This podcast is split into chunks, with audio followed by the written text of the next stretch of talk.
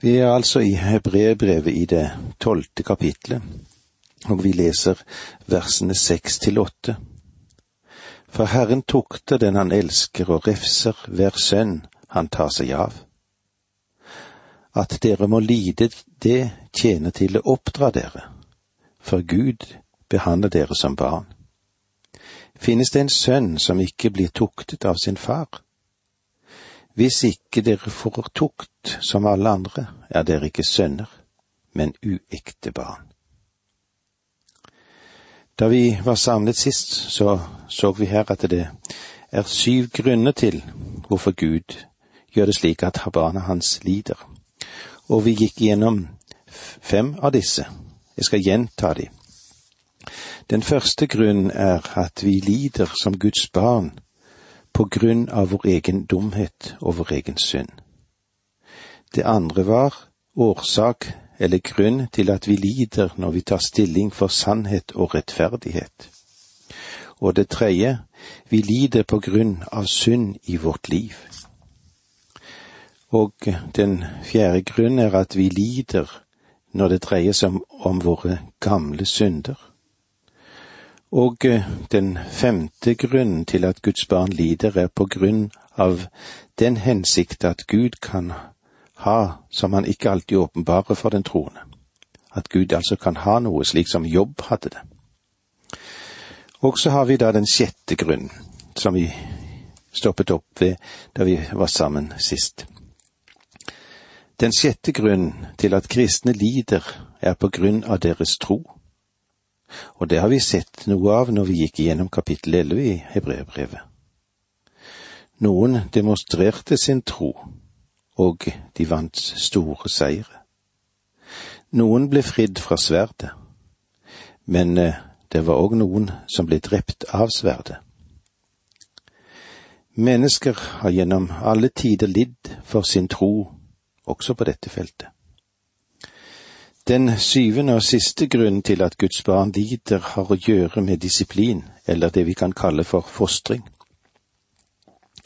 Og det er det vi har for oss her i det sjette verset i kapittel tolv. For Herren tukter den han elsker, og refser hver sønn han tar seg av. Dette har å gjøre med barnets fostring eller disiplin. Det er ikke straff.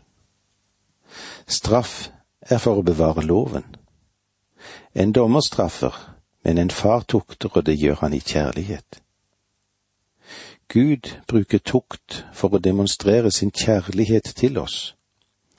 Og forfatteren av hebreerbrevet gjør det helt klart at du er et uekte barn om du ikke bøyer deg inn under Herren og lar Han få lov til å fostre deg. Mange mennesker sier som så, å, hvorfor lot nå Gud dette henne? Det er eh, kanskje det at jeg ikke er en kristen.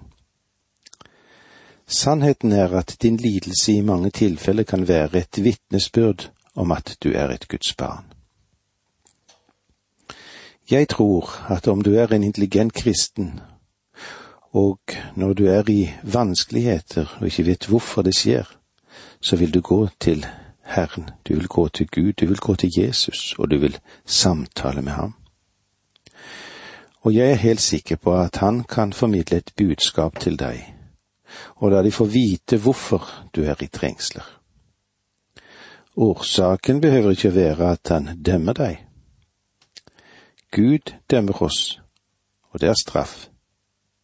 Men han er også en elskende far, en himmelsk far, som disiplinerer sine barn. Vernon McGee, han som har laget hovedmanuskriptet denne bibelserien Veien gjennom Bibelen, forteller at han sammen med flere andre gutter på skolen kom i vanskeligheter. Han forteller at far kom til skolen der det var flere hundre barn. Men da han gikk over skoleplassen, hvem var han da etter? Han var etter sin sønn. Og han tok sin sønn med seg hjem og disiplinerte ham.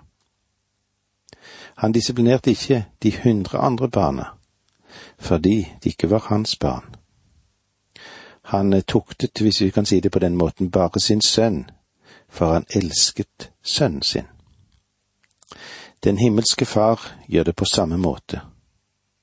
Han disiplinerer meg, og kanskje er det også slik med deg.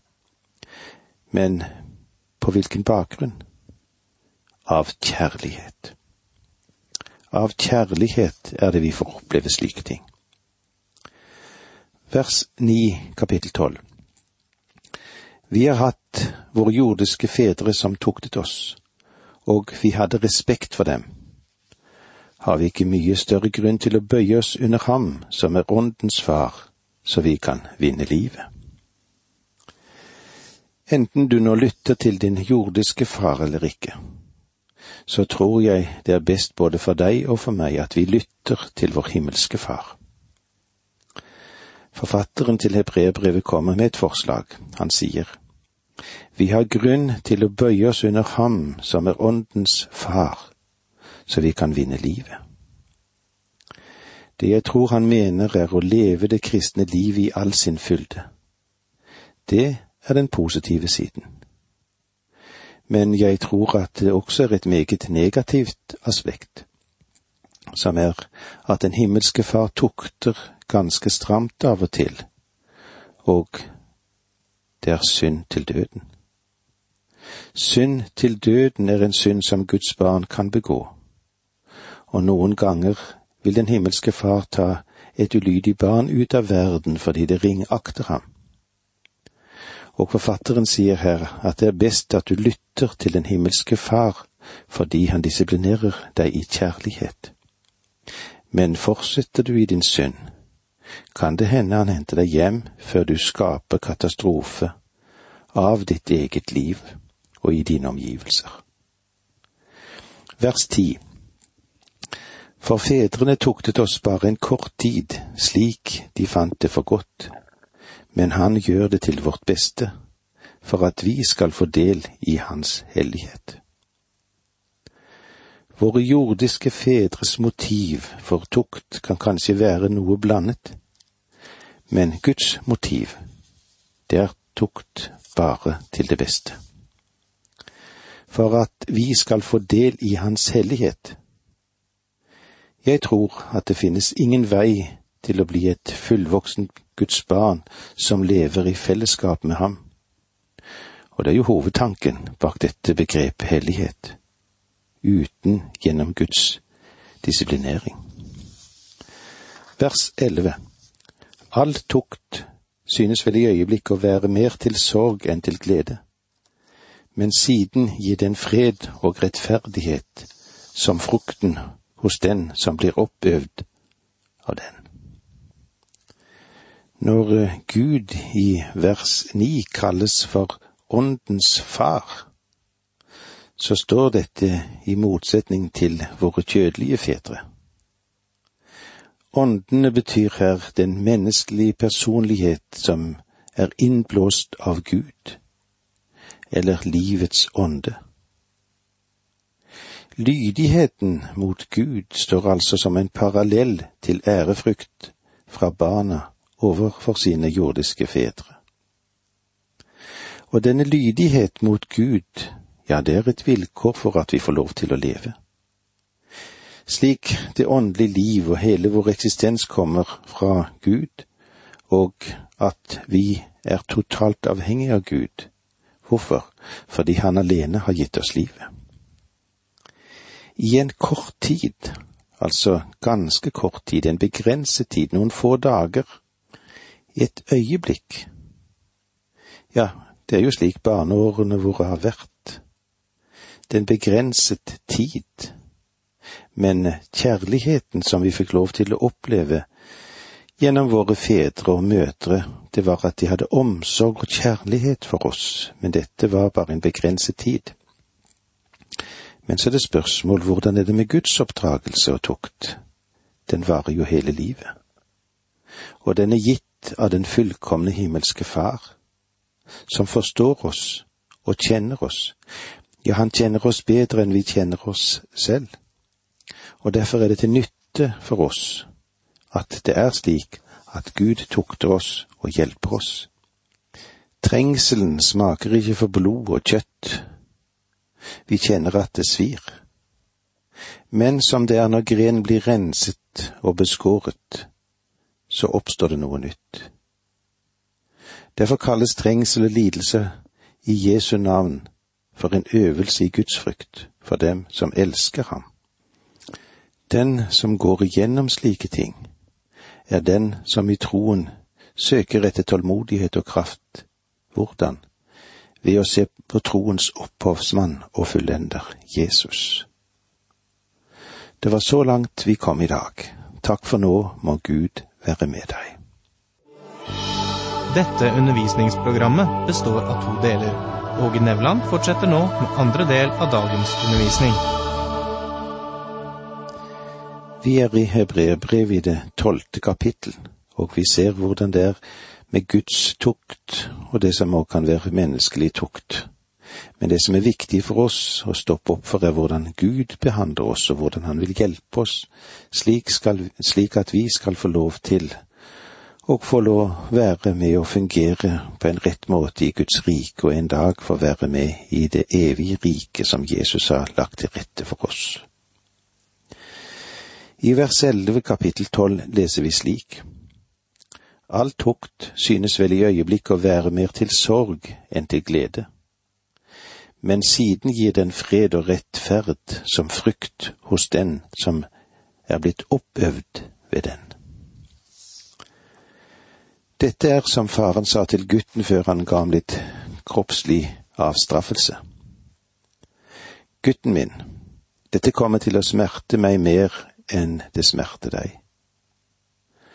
Og gutten svarte, ja, far, men ikke på samme sted Gutten tukter sine barn. Han eh, får ikke noen spesiell glede av det, men han gjør det fordi du og jeg trenger det. Det er ikke bare slik at tukt ikke synes å være til glede. Den er ikke gledelig, men den er sørgelig. Og eh, det er vår erfaring. Selv om tukten i øyeblikket ikke synes å være særlig behagelig, gir den siden fred og rettferd som frukt hos den som er blitt oppøvd ved den. Gud, han disiplinerer ikke uten hensikt og mål. Men nå er spørsmålet, hva er din reaksjon på at Gud tukter deg? Her er fire reaksjonsmønstre som vi kan ha i forhold til Guds tukt, og som nevnes i dette kapitlet. Og la oss nå se litt på disse fire reaksjonsmønstrene. Det første, dere har glemt de manende ord som taler til dere som til sønner. Min sønn, forakt ikke Herrens tukt. Dette står i vers fem. Den første reaksjonen er at du kan forakte tukten. Du kan behandle den lettsindig og nekte å ta imot noe budskap gjennom tukten i det hele tatt. Du blir ganske enkelt en fatalitt og sier vel, jeg er i vanskeligheter. Alle har vanskeligheter. Du erkjenner ikke det faktum at din himmelske far disiplinerer deg, og du fanger ikke opp noe budskap i det i det hele tatt. Punkt to, eller det andre reaksjonsmønsteret, er mist ikke motet når han refser deg, som også står i vers fem. Det er de som reagerer på den måten, og vi kan kanskje kalle det for den skuffende barnets reaksjon. De begynner å gråte og sier, Hvorfor hendte dette meg? Det er ikke noen vits i å leve et kristent liv. Jeg har tjent Herren, men nå, nå, nå har han latt dette hende meg. Med andre ord så visner de hen, de mister motet. Det er nok noen av de hellige som har den holdningen. Da jeg for noen år siden var ganske medtatt etter å ha gått gjennom en prosess, så fikk jeg mange brev og hilsener fra flere av dem som var mennesker som hadde det mye mer problematisk enn det jeg hadde. Og de skrev vakre brev. Ja, vakrere enn du, du kan tenke deg. Det var brev fra mennesker som hadde hatt en virkelig seier. Vi hører og møter der mennesker har blitt helbredet, og der en taler om seire. Og det må de få lov til. Men da må jeg få lov til å være frimodig og si at om du ønsker å vite hvorfor de virkelige seirene finnes, så skal du ta deg en tur til noen av de hellige som er lenket til en seng, eller som sitter i rullestol og har vært det i årevis. Hør på dem når de uttaler seg, og når de nevner for deg og forteller hva de har fått oppleve med Gud. Og de får meg til å skamme meg over meg selv. Du kan ha mistet motet, men disse hellige mister ikke motet fordi Herren har vært der, og han har styrket dem. I vers syv her i kapittel tolv har vi den, det tredje reaksjonsmønsteret. At dere må lide, det tjener til å oppdra dere. Dette er et dristig svar, men det er nær sannheten. Og her finnes et svar som mange superfromme hellige har. For uh, meg så kan dette ligne med fakiren som legger seg ned på sin spikermatte han behøver jo ikke gjøre det, men han gjør det likevel. Det er mange hellige som aksepterer Herrens tukt på en passiv måte. Og dette er fra Herren, og jeg skal holde ut. Gud ber deg aldri om å ta den pessimistiske, overfromme holdningen. Om du er i vanskeligheter, hvorfor går du ikke til ham og spør, Herre, Hvorfor sendte du dette over meg? Det er en lekse her, og jeg ønsker å lære den. Aksepter ikke tingene passivt. Det vil si å bare holde ut, men samtidig klage hele tiden. Det fjerde reaksjonsmønsteret, det kan vi hente fra vers elleve. All tukt synes vel i øyeblikket å være mer til sorg enn til glede men siden gir den fred og rettferd som frykt hos den som er blitt oppøvd ved den. Jeg prøver å trimme litt med en ergometersykkel. Det er ikke så veldig mye aktivitet, men noe er det. Jeg prøver i alle fall å oppøve meg og bruke de forskjellige muskler som ellers ville bli tafatter og eh, kanskje ikke bli så mye krefter i. De har eh, kanskje ligget i dvale en stund. Men det gjør godt når vi har holdt på ei lita stund, selv om kanskje det smertet litt i starten. Men etter hvert så gjør det jo godt. Er du oppøvd når du kommer i vanskeligheter, når du må lide, når en fiende krysser din vei? Stopp det opp og spør Gud. Hvorfor i all verden lot du denne kameraten krysse min vei? Du vet at Gud gjør dette med en hensikt. Gud handler alltid med en hensikt, og vi trenger å bli oppøvd til både å akseptere det og skjønne hva det skal være for. Apostelen Paulus sa det slik. Jeg kjemper mot meg selv og tvinger kroppen til å lystre, for at ikke jeg som har forkynt for andre, selv skal bli forkastet. Første Korinterbrev 9.27. Paulus, han kjempet mot seg selv. Det vil si at han ikke ga etter for kroppens begjær. Fordi han ikke ønsket å komme bort fra Guds åsyn og en dag bli for, foraktet, forkastet. Uansett hvem du er og hvor du er, så er det tid til å begynne med visse øvelser. Paulus sa altså her, jeg kjemper mot meg selv og tvinger kroppen til å lystre, for at ikke jeg som har forkynt for andre, selv skal bli forkastet. Ta et oppgjør med Herren med korte intervaller. La ikke noe bli liggende der. Lev ikke et passivt liv, men lev et kristelig aktivt liv. Det er mye du ennå ikke har lært, men Herren, han er villig til å lære deg hver eneste dag. Vær ikke redd for å spørre eller for å undres eller for å bli utfordret. Noen ganger kan det hende at du bare vil ligge der, men samtidig vil du lære mer enn om du fikk gå fritt omkring. Det tar ofte lang tid å lære ting fra vår himmelske Far, men når vi kommer inn i vanskeligheter, så har det kanskje vært på denne måten at vi har måttet si, ønsker du at jeg skal ligge her, så ligger jeg gjerne men jeg ønsker å lære leksen du vil at jeg skal lære nettopp nå. Vi trenger å bli oppøvd av Herrens tukt, og da vil vi finne oss selv i den stillingen som beskrives i følgende vers. Vers tolv, kapittel tolv. Derfor, rett ut de slappe hender, og styrk de vaklende knær. Slappe hender og vaklende knær. Hva er det? Det er bildet på motløshet, på en motløs holdning.